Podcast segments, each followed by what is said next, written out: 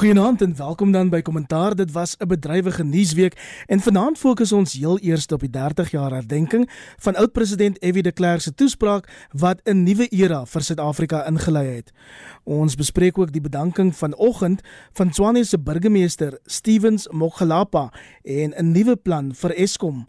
Wat buitelandse nuus betref, hou ons verwikkelinge met die koronavirus dop, as ook Brittanje na Brexit en die FSA met president Donald Trump se moontlike kwytskeld vergadering nou net 3 dae ver. Op die lyn is Roland Henwood, hy's 'n politieke kommentator by die Universiteit van Pretoria. Nancy Roland. Goeienaand Iver. Ons sê goeienaand aan Hendrik Weingart, 'n politieke rubriekskrywer vir die Burger en Beeld. Hallo Iver, dankie vir die geleentheid en nou Roland. Kollegas, ons begin dan met meneer De Klerk se staatsrede vandag presies 30 jaar gelede. 'n Toespraak wat hy nou erken nie die gevolg van 'n Damascus bekering was nie en glo ook nie die gevolg van sanksies of eksterne faktore nie. Roland, dis 'n toespraak wat die gang van Suid-Afrika se geskiedenis onherroepelik verander het. Ongetwyfeld, ek dink um, mens kan miskien op twee maniere die toespraak benader. Die een is die toespraak as 'n gebeurtenis op 'n bepaalde dag wat reg soos jy sê die die geskiedenis van Suid-Afrika dramaties verander het en die fondamente gelê het vir die Suid-Afrika waarin ons vandag lewe. Um, die ander manier om daarna te kyk is natuurlik sê 30 jaar later en dan te probeer interpreteer en en inlees in die toespraak en ek dink dit is waar dit moontlik 'n bietjie moeiliker raak want mens moet daai toespraak in die konteks van die tyd beoordeel waar dit gelewer is.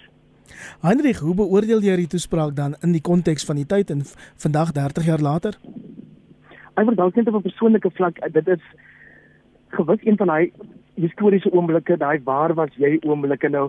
Nou ek onthou dat ek in, in graad 11 was en dat ons nie definitief televisie gehad het nie, maar ek het die burger soggens afgelewer. So ek sou daai volgende oggend uh die Saterdagoggend dan nou die burger afgelewer het en en dan al die nuus gelees en ek sien my voorblad nog so in my in my geestes oor want dit ook die tyd waar my eie politieke bewustheid ehm um, uh, posgevat het. Ehm um, daai toespraak sal en moet altyd onthou word as die groot keerpunt. Nou, nou dit is interessant om te sien dat die kerk self sê ehm um, dat die groot beweeghede was eintlik maar dat die dat gelyk het op die kommunis kommunisme val met die dat die Berlyn gebeur kort ehm um, waar die teen laat 89 geval het sodat dit nie so seer te doen gehad met die binnelandse druk soos wat ehm um, die vryheidsbeweging jou sou wil laat glo nie en ook nie so seer met internasionale sanksies nie. Maar ek dink 'n mens moet eintlik maar al daai faktore uh, byreken as jy as jy kyk na na na waarom daai toespraak moes plaasvind. ek dink wat ek laas week in my rapport rubriek gesê het is dat 'n mens moet hierdie hierdie ehm um, toespraak prys en 'n mens moet die erkenning gee aan meneer de Klerk vir hy dapper stap. Maar 'n mens moet tog nog nie praat oor hierdie toespraak asof dit nie genoodsaak was deur die feit dat mense die meerderheid mense in hierdie land vir vier dekades lank um van hulle regte ontneem is nie. So die toespraak moes gebeur en wanneer 'n aanleiding gegee het, um kan ons nog steeds maar oor debatteer, maar dit is voorafgegaan deur vier dekades van apartheid waar bruin en swart mense uh, die onderspit gedelf het en ons is nog maar steeds besig om kan ek maar sê die herstelwerk te doen daarmee maar 'n klomp ander goed het intussen gebeur wat ons aandag ehm um, vereis en opeis en en daarom kan mens baie maklik ehm um, daarvan vergeet. Ek dink die Evie de Klerk hoef ooit ehm um, weer vorentoe uh, ek wil amper sê op enige manier uh die toespraak te probeer regverdig nie. Dit is goed dat dit hy was wat dit gelewer het. Dit is goed dat hy nog met ons is 30 jaar na die lewering van daai toespraak. Ehm um, en en en ek ek ek dink ehm um, dit is baie interessant dat ek in die afgelope week 'n bietjie leeswerk gedoen vir 'n artikel wat ek beplan dat daar's eintlik iwer ook uh, minstens 5 ander toesprake dink ek wat vergeet word in die proses. Ehm um, as jy dink aan Evie de Klerk se groot toespraak van 30 jaar gelede, kortliks, die een het byvoorbeeld te doen met toe hy net oorgeneem het by oud president uh, P.W. Botha toe die ehm, 'n um, beroerte gehad en uitgetree het as as ehm um, NP leier en ook dan nou as as ehm um, staatshoof. Dan was daar sy toespraak oor die eerste sitting van Kodesa, sy toespraak oor die referendum uitslag van 92, sy toespraak as 'n ontvanger, mede-ontvanger van die Nobelprys vir vrede. En dan sy toespraak oor die verkiesingsuitslag van 1993 en dan sê jy seker ook sy ehm um, sy sy kommentare of sy insette oor die WVK proses kon byreken as vyf ander toesprake wat wat amper met die tyd uh, vergeet te geraak het omdat hierdie 2 Februarie 1990 toespraak so 'n grootte was. Dit is 'n groot oomblik in Suid-Afrika se geskiedenis, maar meneer De Klerk is vandag nog 'n baie verdelende figuur en ek gaan dit ehm um, kwalifiseer. Ek sien die EFF sê nou meneer De Klerk behoort sy Nobelprys vir vrede terug te gee. En Roland dit lyk of dit nie net die EFF is en baie swart meningsvormers in Hebreë is wat nie ooghare vir hom het nie. Ehm um, ehm um, mense sien dit ook in die kommentare op sosiale media van van mense wat as wit identifiseer. Wat sê dit van meneer De Klerk se nalatenskap? Ek dink wat dit sê is 'n refleksie van die Suid-Afrika waar binne hy die staatspresident geword het en waar binne hy sy toespraak gemaak het. Um, en dit is hoekom mense onderskeid moet tref tussen die tyd waarin dit gebeur het en as mens terugkyk daarna. Ek dink die toespraak het behalwe vir al die positiewe gevolge het ook 'n verwagting geskep van 'n klomp ander goed wat nie materialiseer het nie.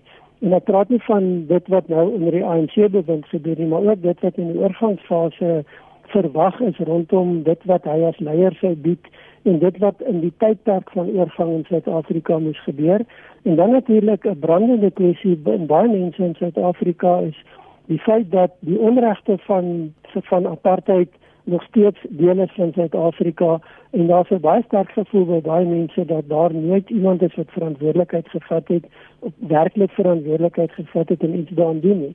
Nou dit is natuurlik op sigself 'n baie verdelende standpunt. En ek dink dit hou verband met die die ehm um, perspektief van mense, diegene wat aan aan die verskillende kante van die verdeling rondom apartheid gestaan het. Miskien nie ten laaste punt daar ook dat daar 'n illusie wat by baie mense bestaan en dit is dat hy sy toespraak maak het die groot vrede neergedaal. En dit is natuurlik nie so nie. Ons moet onthou dat die die verdelings was baie skerp en die leiers en partye wat die proses gedryf het vir die skep van die post-94 Suid-Afrika nie skielik vriende geword nie. Hulle was verbeter vyande gewees, hulle het mekaar nie vertrou nie en en hulle was opponente in alle fasette gewees. Dit is mense wat uit 'n gewapende stryd met mekaar begin onderhandel het en soos wat jy vroeër gesê het binne die konteks van geweldige opstande in Suid-Afrika. En ek dink dit is in daai konteks dat 'n mens na hom as 'n verdelende leier verwys, maar ook as iemand wat deur baie mense nie regtig aanvaar is net in die konteks is wat hy net nou gesê het van dit wat hy gedoen het in sy toespraak nie. Heinrich Jason Lloyd, 'n politieke kommentator van die Baai het my vroeër vanaand herinner aan ehm um, een van meneer de Klerk se opmerkings oor die naweek in die koerante, ook in sy toespraak ehm um, die week. Hy sê Afrikaners se verwagting dat blanke Afrikaner regte is, soos eie Afrikaanse universiteite en skole, groepregte, eie woonbuurte, magsdeling op kabinetsvlak en 'n nuwe grondwetlike bedeling ehm um, onrealisties is en hy gaan voordeur te sê dit sou niks anders wees as 'n voortsetting van apartheid nie. Ek wonder wat jy daarvan maak en dan gaan ek jou ook vra om die gesprek saam te vat ek weet nie of ek dit noodwendig sou beskou as 'n voortsetting van apartheidregte nie. Onthou dat ons grondwet maak voorsiening vir minderheidsregte en dit was een van die belangrike kan ek maar sê bekommernisse van meneer de Klerk en die nasionale party gedurende die veelparty onderhandelingsywe toe hulle gesê het een van die belangrike uitkomste moet wees dat minderhede sowel wit as bruin jy kan indeer ook seker bytel moet voel dat hulle steeds regmatige plek in hierdie land het van ons tot um, interessant genoeg um, het die die posisie van Afrikaners die afgelope week weer by meneer uh, de Klerk se stigting se 2 Februarie 1990 wel 'n konferensie ter herdenking daarvan te sprake gekom waar hy gesê het die ANC maak van wat mense die sondebok dat hulle moet aanhou betaal vir noem dit dan maar die erfsonde.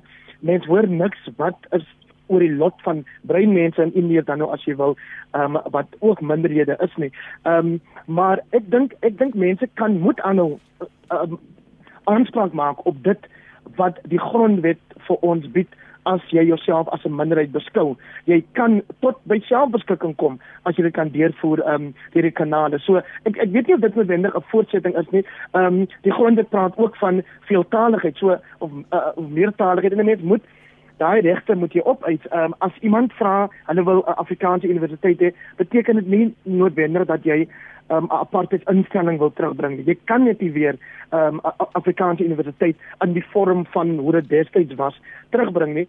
Ehm um, en ek dink self solidariteit wat wat uh, werk aan aan um, akademia, hulle universiteit um verder uitbou, moet heeltyd bewus wees daarvan. En ek dink daar is by hulle ook enige so intensie nie. Dit gaan gewoon daaroor dat hulle vir studente wat vir kies om in Afrikaans klas te loop, daai geleentheid bied.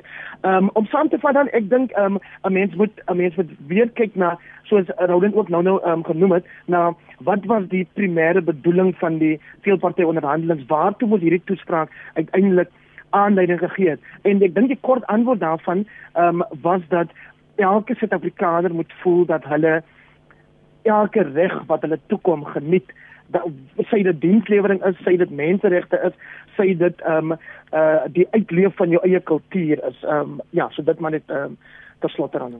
Skakel gerus môreoggend vanaf 6:35 in by Monitor vir 'n verdere ontleding oor oud-president F.W. de Klerk se toespraak op 2 Februarie 1990.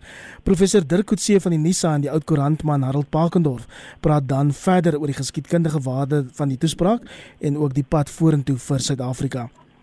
Ons verskuif nou die fokus na Tswane waar die omstrede burgemeester Stevens Mokhulapa vanoggend bedank het. Van wat ons verstaan het die DA om redelik ferm aangespoor om te bedank oor die afgelope naweek eh, of dan nou uit sy posisie gedwing te word en dis 'n stap wat sy politieke loopbaan ernstig kon benadeel. Roland, die bedanking spruit onder meer uit 'n gekafoefel met 'n burgemeesterskomitee lid en en ek dink kommentaar luisteraars sal die einde 2019 onthou te professor Dirk Coetzee juis ehm um, hierdie burgemeester as die Mampara van die jaar aangewys het. Ons hoef dan seker nie lank trane oor sy bedanking te huil nie of hoe? Nee, dit lyk asof daar groot blydskap sal wees ook selfs in die DA in die Pretoria of Tshwane Metro Raad uh, met sy bedanking. En dit is baie duidelik dat hy nie net omstrede was nie, maar dat hy nogal spanning en ongelukkigheid veroorsaak het ook in sy eie kokes. So dit lyk asof dit 'n uh, uh, beëindiging is van 'n van 'n dit het baie lank gevat om op die punt te kom waar hy sy bedanking aangekondig het, maar ek dink nie daar was enige ander opsies vir hom nie. Hendrik, jou mening oor sy bedanking asook die pad vorentoe vir Swane? Iwer as daar trane moet vloei, moet dit wees oor die onstabiliteit wat kom ons noem dit nou maar ons diplomatieke hoofstad die afgelope klomp maande ervaar um oor hierdie karakter maar ook oor die um wankelrigheid van van wat eens nou nogal heel indrukwekkende um koalisieregering was daar in in Tshwane soos ook in Johannesburg en in die Nelson Mandela Bay metro. So 'n mens mens wil nie hê dat in een van jou eh, belangrikste metro um stede moet die plaaslike bestuur deur hierdie ehm um, turbulentie gaan wat jy die afgelope tyd daar ervaar het nie. Ehm um, ek dink wel dat die DA het baie die lesse geleer. Ehm um, wat eintlik maar die les is wat elke regerende party leer waar dit ook al is wat jy regeer of dit nou op nasionale vlak, provinsiale vlak of plaaslike vlak is. Plaaslike dienslewering is die een ehm um, die die een kwessie wat maar reg deur die bank aanleiding gee tot ons sosiale of, of liewer ons ons wat is soveel anders nou juffie um, um Roland? Sosiale um, onrus ja ja ja. Ehm um, dat jy as jy proteste sien in stede en dorpe dit gaan altyd maar oor dienslewering. Die president het die ander dag gelukkig ook um, uit sy skok ehm um, jy weet gekom in Kimberley en gesê maar dit dit moet enkry ons kan nie daai soort paketiese dienslewering laat ons dit maar eerlik wees ook vir al onder ANC bestuur in dorpe en in stede um langer verduur nie. So kom ons hoop dat um jy weet dat stabiliteit sal terugkeer tot Tshwane sodat hy stad um regeer sal word soos wat ons verwag. Um spesifiek wil ek sê van van 'n DA regering, um omdat die DA ons moet laat glo dat hulle beter doen, beter kan doen as die ANC en kom ons sê ook dat ons weet dat daar baie baie suksesvol hande is meer as in ANC gebiede waar die DA regeer. Ehm um, Kaapstad is so 'n voorbeeld en ek wil op 'n manier ook my eie plaaslike Teewaterskloof munisipaliteit noem um, as 'n plek waar jy kan sien daar is nog dienslewering ten spyte van die uitdagings soos die migrasie uit die Ooskaap wat soveel druk op jou plaaslike bronne um, plaas. Roland, wil jy kortliks iets byvoeg oor Swane? Ja, ek ek dink hierdie kan waarskynlik nog verdere gevolge hê want dit, ek kan nie sien hoe die DA hom kan vervang as uh, burgemeester gegee die spanning wat bestaan, die verdeeldheid en die EFF en die ANC wat skynbaar nou saamwerk om van die DA ontslae te raak. So ek dink die proses wat hier uitspeel in elk geval die eerste indruk as jy mens kyk wat gebeur is dat dit waarskynlik die einde bring aan aan die huidige vorm van ehm um, die DA se ehm um, regering in die Tshwane Metro Raad. Ehm um, ons sal net sien hoe hulle dit gaan hanteer, maar dit lyk nie vir my goed vir die DA vorentoe nie. Ons hou dan verdere verwikkelinge in Swani dop hier op kommentaar. En van Swani na Eskom en spesifiek die rol van De Ruyter op die wit perd wat op Kersdag as Eskom se nuwe baas ingeval het. Dis natuurlik Andre De Ruyter wat te midde van voorslepende beedkrag dit blykbaar regkry om stadig maar seker openbare vertroue te begin wen en Roland of of Heinrich kom ek begin by jou business day verklaar in 'n koerantopskrif the penny drops at Eskom asof dit 'n eureka oomblik is en ek weet daar was baie vooraf kritiek omdat meneer De Ruyter nie 'n energie agtergrond het nie. Maar kry jy kry jy nou wat is dit 'n maand later meer as 'n maand later die indruk dat hy miskien miskien miskien die skip kan omdraai daar by Eskom?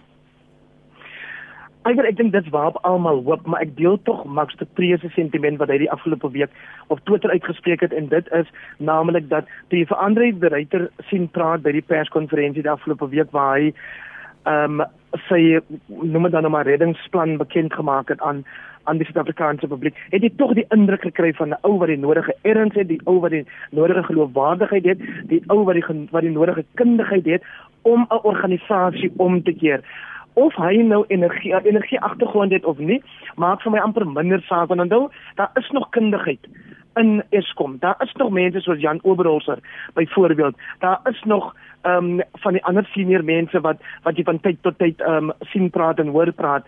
Daar is ook die plan by Andre de Ruyter om van met die mense wat nou al pad gegee by Eskom of uitgewerk is, soos wat ons dikwels hoor, terug te bring ehm um, na die maatskappy toe. Ek het hom ervaar toe ek destyds by die Universiteit van Stellenbosch besigheidskool gewerk het waar hy kom praat het toe nog in sy nampak ehm um, ehm um, oordanigheid en toe leer het ek was my persoonlike indruk van hierdie ou dat hy die mens business hy hy hy's ernstig oor oor dit wat gedoen moet word. Daar's 'n belangrike ding wat hier te sprake is en dat as ons aan die een kant sê ons moet wegdoen met kaderontplooiing en God se dank dat dit in hierdie geval nie gebeur het nie, dan moet ons ons hoede lig vir Andre de Ruyter wat sê hy sou baie maklik die land kon verlaat en elders gaan bly. As hy nie hierdie werk aanvaar het nie, sou dit sy opsie gewees het. Maar hy besluit hy kry geleentheid om 'n bydrae te maak en dat hy dit sal doen. Sy groot uitdaging, behalwe nou die tegniese goed soos die instandhoudingswerk wat so agterstallig is en en en die infrastruktuur wat moet vernuwe word by die kragstasies en dis meer as daar die vertrouens um, tekort en hy het baie klem gelê daarop dat een van sy grootste uitdagings is om vertroue te herwin van die publiek, van Eskom se werkers, Eskom se um, vennote van van van die regeringskant af van die private sektor of almal wat na Eskom kyk en dink genade nee, maar kan ek vanaand sê Iwer, dit gaan ons nie help om elke keer as 'n beerdkrag gebeur soos die naweek nou weer. Ehm um, en die van ons wat net super rugby kyk net vir kom wat wat ons nie wat gunsteling spanne sou kon sien nie. Ehm um, dit gaan nie help om elke keer maar te kla nie. Kan ons by die punt kom waar ons sê dit is 'n baie slegte situasie, maar dit is 'n realiteit. Dit het 'n deel geword van ons werklikheid in Suid-Afrika. En kom ons beplan nou maar daarvoor want want gelukkig as ons daarom nou daar waar Eskom vir jou vooraf kan sê wanneer daar beerkrag in jou gebied sal wees met redelike sekerheid. En ek dink ons moet dit aanvaar en ons moet maar gewoon daar rondom beplan. Ek hoor jou, maar wat sal Suid-Afrikaners nou wees as ons nie kan kla nie, Hendrik? Roland, dis natuurlik een ding om openbare vertroue in te win, maar is iets anders om werkbare planne op die tafel te sit. Het jy vertroue in meneer De Ruyter se nuwe roete, soos hy dit hierdie week ehm um, gestel het in daai media konferensie het verwys na Eskom se nuwe roete? Ek dink ons moet versigtig wees om te praat oor het ons vertroue in wat hy gesê het. Ek dink ons moet in Suid-Afrika wegbeweeg van die gepraat en eerder sê wanneer gaan ons wat sien gebeur en ek dink dit is my een van die belangrike aspekte wat reeds duidelik is. Um die feit dat hy nie gesê het ons weerkrag het nie. Want ons almal weet dit gaan nie gebeur nie. Hy het gesê ons gaan vir 18 maande hierdie pad loop. So daar's iemand wat bereid is om te sê hierdie is nie lekker nie, maar dit kom. Ons kan beplan. 'n Tweede baie belangrike aspek wat dalk nie baie aandag gekry het nie, maar dit is tog interessant om te kyk dat weerkrag is nie meer 'n 8 tot 4 affære nie dit gebeur nou in die nag. Dit beteken daar's in die nag mense wat werk, wat probeer om stelsels aan die gang te hou, wat beplanning doen vir die volgende dag. Byvoorbeeld, Jy sit nie die volgende dag jou ekonomie af omdat jy jou noodvoorrade moet aanvoer nie, jy doen dit in die nag. En ek dink dis 'n beduidende teken want dit sê vir my daar's 'n besef van krisis en daar's 'n besef dat die verwening gaan nie meer werk nie. En dan kyk ons na aanstellings. En behalwe die segman wat nou aangestel is wat 'n baie kritiese opponent van Eskom was wat nou inkom, is daar ook berigte dat een van die belangrikste ingenieurs wat by die projekte betrokke was wat land uit is en in die Filippyne gaan werk het, nou terugkom om oor te neem by die groot kragstasies waar hulle nie werk nie.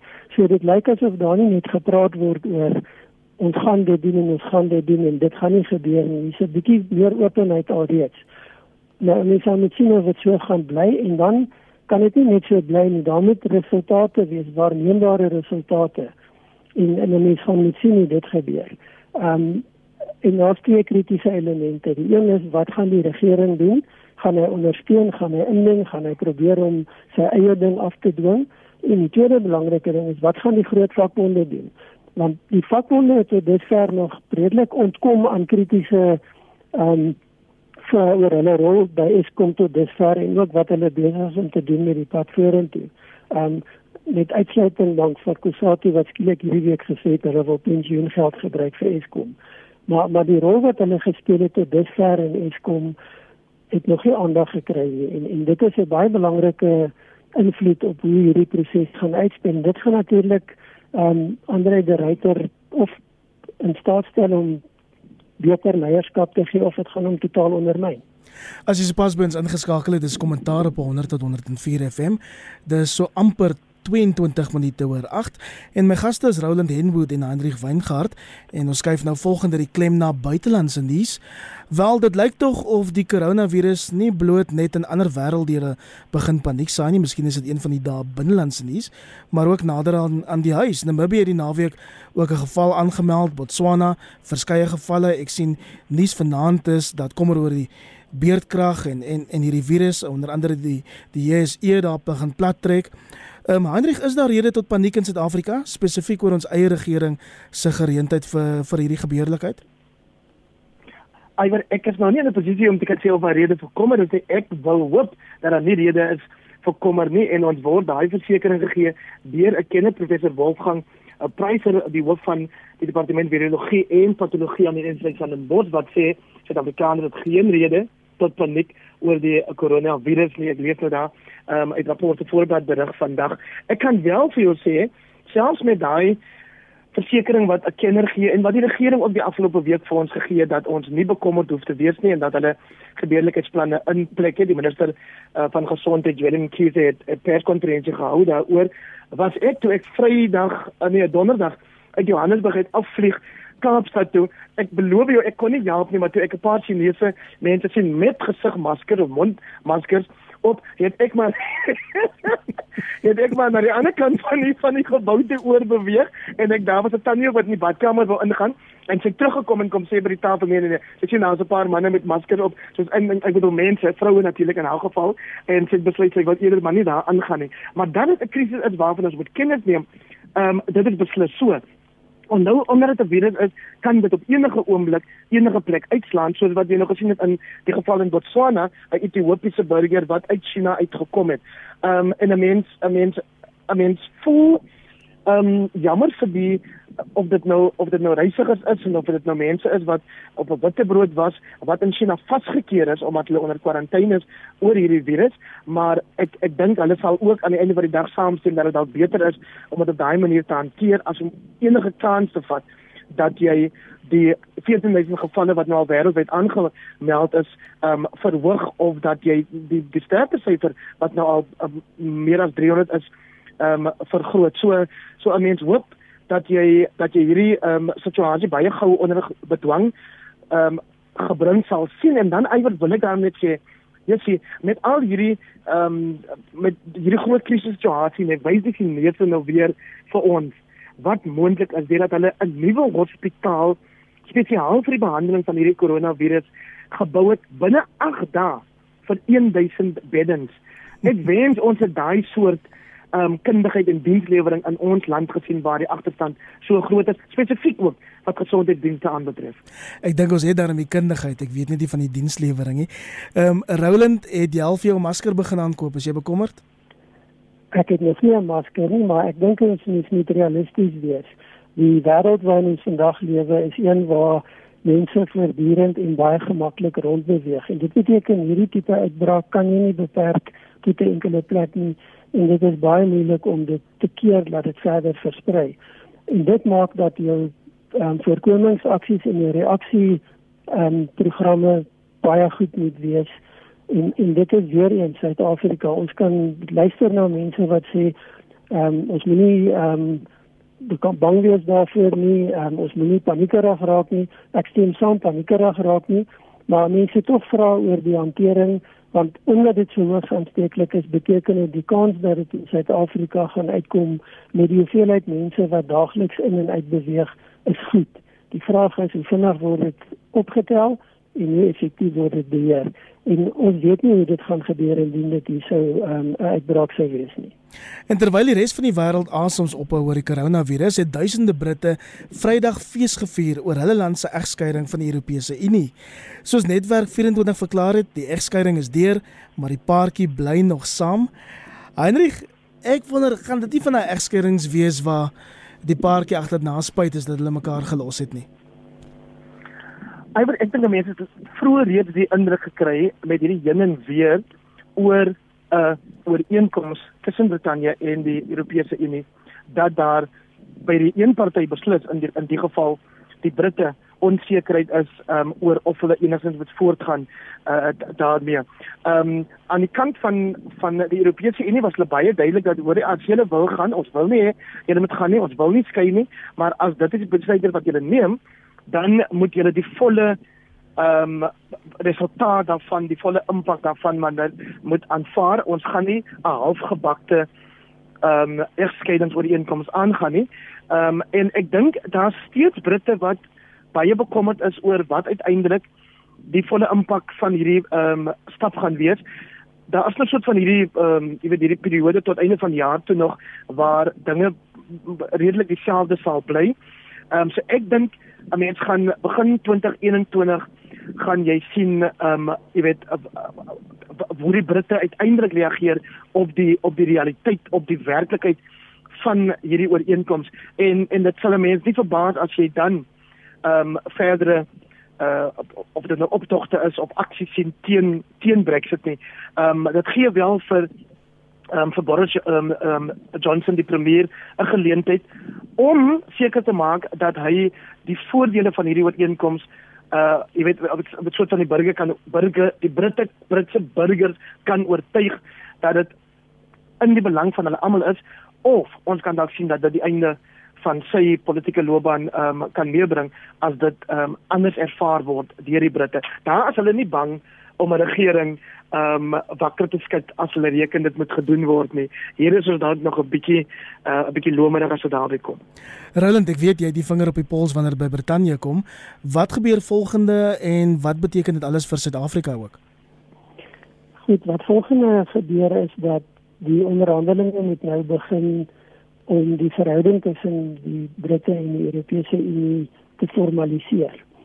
Um en dit is 'n omvattende onderhandeling wat omvattende betalings gaan hê. Dit gaan nie net oor handelsbetrekkinge. Die handelsbetrekkinge kry die meeste aandag op die stadium, maar dit sluit alle ander betrekkinge in, um veiligheidssamewerking, selfs kulturele elemente wat deel word van hierdie proses. So die onderhandelinge wat nou moet begin gaan taai wees, dit gaan omvattend wees en dit moet aan die einde van die jaar afgehandel wees. Ehm um, anderster is daar twee opsies, 'n verlenging van die oorgangstyd wat Boris Johnson klaar gesê het gaan nie gebeur nie of dan is ons terug by die sogenaamde Brexit sonder ooreenkoms. Dan is daar net nie 'n ooreenkoms nie. So dis 'n baie belangrike vol moeilike jaar wat voor lê. Ehm um, miskien net 'n opmerking oor die interessante is dat alhoewel die gesindheid tot dusver voorgehou is as een van baie positief samewerking en bereidwilligheid om mekaar te vind het aan premier Johnson 'n toespraak gemaak waarin hy laat baie teen die Europese Unie. en baie duidelik gemaak het dat hy hom nie gaan bind aan hulle reëls en hulle standaarde en die eise wat hulle stel nie. Nou dit is 'n waarskynlike onderhandelingsstrategie, maar dit is 'n riskante een. Ehm um, my indruk is dat hy dalk meer met die Britte gepraat het, veral diegene wat onseker is oor die pad vorentoe en dat hy dalk ook op die manier 'n boodskap aan die Europese Unie gee, maar dit is interessant dat hy so vinnig voor die onderhandelings begin hierdie tipe argument begin vir 'n redelike harde toespraak wat hy gemaak het. Um, en mens sal net sien hoe dit gaan uitspeel.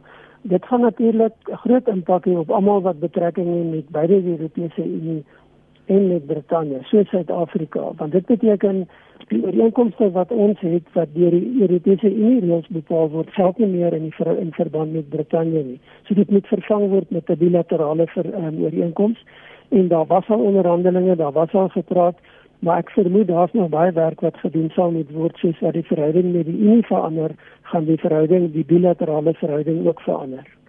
Daar is intussen ook vroeë feesvieringe in die FSA, wel ten minste onder die Republikeine en dit lyk na uitgemaakte saak dat president Donald Trump Woensdag sal seëvier wanneer die Senaat gaan moet stem of hy moet bly of gly. Heinrich dis nie 'n verrassing nie, ons almal het dit sien kom. En ek sien Jaco Kleinhan skryf in vandag se rapport, miskien is meneer Trump presies wat die FSA op hierdie oomblik nodig het. Ehm um, ek is te bang om jou te vra, hoe voel jy daaroor? jy hoef nie bang te wees hy wat ehm um, dit gaan bitter min oor hoe ek voel oor dit gaan oor hoe die Amerikaanse uh, mense daaroor voel en en heel duidelik ehm um, het Donald Trump nog genoeg steun van die gene wie vir hom gestem het en ek dink dalk selfs ander mense want Donald Trump is 'n leier of jy nou van hom hou of nie wat kan standpunt inneem wat besluite kan neem. Om die waarheid te sê hy hy doen goed wat tog gereeld buite die grense van wat algemeen aanvaarbaar um, is of as algemeen aanvaarbaar beskou word um, gedoen behoort te word maar dit waar jy sou dink dit gaan tot sy nadeel wees skyn dit dat dit heeltyd sy gewildheid vergroot. Ehm um, so daar was nie, jy weet as jy na die na die getalle kyk en die feit dat die Republikeine die Senaat beheer, dan dink ek jy was daar veel twyfel oor min of meer hoe die die saak gaan uitloop, hoe die stemme daai woensdag dalk kan uitloop. Dit gaan 'n verskriklike groot verrassing wees as daar 'n meerderheid stemme is vir die feit dat daar oor of hy um, moet aanbly, of liewer dat dit anders stel, as daar 'n meerderheid stemme gaan wees vir dat hy moet um, aan die pad gesteek word. Ehm um, maar dit doen geen afbreek aan die feit dat hierdie ehm um, proses van ehm, 'n um, staat van beskuldiging wel moes plaasvind nie. Dit gee 'n boodskap dat niemand bo die reg verhewe is nie, selfs al is jy die president van Amerika, selfs al is jy 'n Donald Trump wat jou bittermin steur aan reëls en regulasies en wette. Ehm um, die die die nadeel natuurlik wat die hele proses gehad het, is die feit dat Donald Trump ook kon ja of nee sê vir of nuwe getuienis ehm um, gelewer kan word. So so hy het eintlik op 'n manier die hef van die hand gehad um, as mense dit uit uit, uit daai oogpunt net beskou. Maar dat jy vir hoeveel dae of week of twee weke kon luister na presies na die argumente oor hoekom dit wat hy gedoen het verkeerd was selfs al het sy verdedigingsspan en die republikeine probeer om dit regverdig dit was 'n belangrike proses dink ek en selfs al loop dit nog nie uit op ehm um, die um, die uitskop of die afdanking van Donald Trump as president nie. En selfs al gaan dit nie noodwendig beteken dat dit hom gaan benadeel in die komende Amerikaanse presidentsverkiesing nie um, dink ek was dit nodig dat die wêreld dit moet sien dat selfs in die magtigste land kan die president um tot verantwoording geroep word. Roland soos Hendrik nou dat reg opgemerk het, ek dink die fokus in die FSA begin skuif na die volgende verkiesing en dit lyk of die demokrate verdeeld is oor hoe om meneer Trump aan te vat. Jy weet, hulle is nie seker of hulle 'n meer matige of dalk 'n meer progressiewe kandidaat nodig het nie. Ja, dit is interessant. Ek ek dink die die proses natuurlik almal fokus op meneer Trump en die hantering, maar ek dink daar's 'n paar baie belangrike vrae wat aan die demokrate gevra moet word. En ek dink die feit wat ons as Suid-Afrikaners nie moet maak wat van buite kyk nie, is om te dink dat die een party was goed en die ander party was sleg. Ehm um, dit is die verkeerde manier om daarna te kyk. Ek dink die eerste groot fout wat die demokrate gemaak het is dat hulle van hulle het al die eerste eise vir die sogenaamde impeachment het hulle begin ehm um, oor praat nog voordat president Trump ingesweer is, ingehuldig is. Dit nadat hy verkies is, maar hy was nog nie eens ingehuldig nie. En dit het 'n deurlopende tema in die Republikeine se hantering van die Trump presidentskap geword. En dit het baie teen hulle getel in hierdie proses wat nou afgespeel het. Alhoewel dit buite die proses is, het dit 'n groot invloed gehad. Dit is een van die sterkste argumente wat gebruik is om hulle net maar hulle beskuldiging van president Trump eintlik te verwater en om twyfel te skep en en so 'n bietjie um, sinies te wees oor wat die demokrate doen. So dis nie net wat wat wat president Trump doen en wat die republikeine doen wat wat hulle nou moet gaan kyk nie. Dan die vraag oor die verkiesing, dis moeilik om op die stadium te sê dit lyk asof die mense wat ehm um, die Trump verkiesingsveld of bestuur baie goed weet wat die Trump ondersteuner wil hê en hierdie Trump ondersteuner gaan reageer en of hulle baie beter daarin slaag om die proses te dryf in belang van hulle eie ondersteuners as wat die demokrate dit regkry. En en ek dink dit is een van die krisisse wat die demokrate het. Nie net is daar verdeeldheid oor die leier nie, maar maar daar's 'n uh, verdeeldheid, 'n vloeibaarheid in die demokratiese party wat dit vir hulle baie moeilik maak En um, en mens sal moet sien want die belangrike is nie net dat die die president nou verkies of herkies moet word nie, maar die hele huis van verteenwoordigers word verkies en 'n derde van die senaat word ook verkies in die verkiesing in in November hierdie jaar. So daar's baie op die spel vir al die politieke partye en al die rolspelers. En en hierdie ehm um, proses wat die afgelope dae afgespeel het, gaan ongetwyfeld 'n invloed hê op nie net wat mense se persepsie van die president is nie, maar ook van al die ander rolspelers wat hierby betrokke was. Ons gaan amper met begin amen sê hier op vanaand se kommentaar maar Hendrik, terwyl ek jou op die lyn het as die enigste rugby liefhebber hier tussen ons drie, daarvan het ek seker gemaak by Roland. Die Super Rugby seisoen het begin. Is daar iets wat jy daaroor op jou hart het? Iwer get ja, ehm um, dit was lekker om die rugby te sien Vrydag aand tussen die Sharks en die Bulle dit was verskriklik lekker om die Kaapse span die Stormer te sien uh, wen teen ehm um, die Hurricanes gister uh, al poppose losing wat hulle ehm um, daai manne gegee het. Maar ek moet jou sê toe my beerdkrag eindig vannag en ek hier tussen 1 en 2 wakker word en sien wat met my Leo span daar in Argentinië gebeur toe wens ek vir meer beerdkrag. Hoe klink dit nou of jy wil kla Roland? Ja ek ek lag ehm um, ek wil dan sê ek is net beskou my nie as 'n rugby kenner nie, maar ek sien nie dan ook 'n goeie rugby wedstryd. En dit is tog lekker om weer so 'n bietjie te kan sit en kyk wat die spanne doen. Wel, ek weet hopeloos te min van rugby, so ons gaan vanaand daar haltroep op kommentaar. Ehm um, jy kan natuurlik ook môreoggend op monitor ingeskakel bly vir die jongste ontleding van die naweek se sport, as ook die Super Rugby wat nou wêreldwyd ehm um, begin ontplof en en weet mense opgewonde maak. Baie dankie Roland Henwood van die Universiteit van Pretoria en Nancy Roland. Dankie Aver, dankie Hendrik. En ook Hendrik Weingart, hy's 'n politieke rubriekskrywer by Beeld die Burger en Rapport. Altyd 'n plesier, Iwer, dankie. My naam is Iwer Price. Mooi week verder.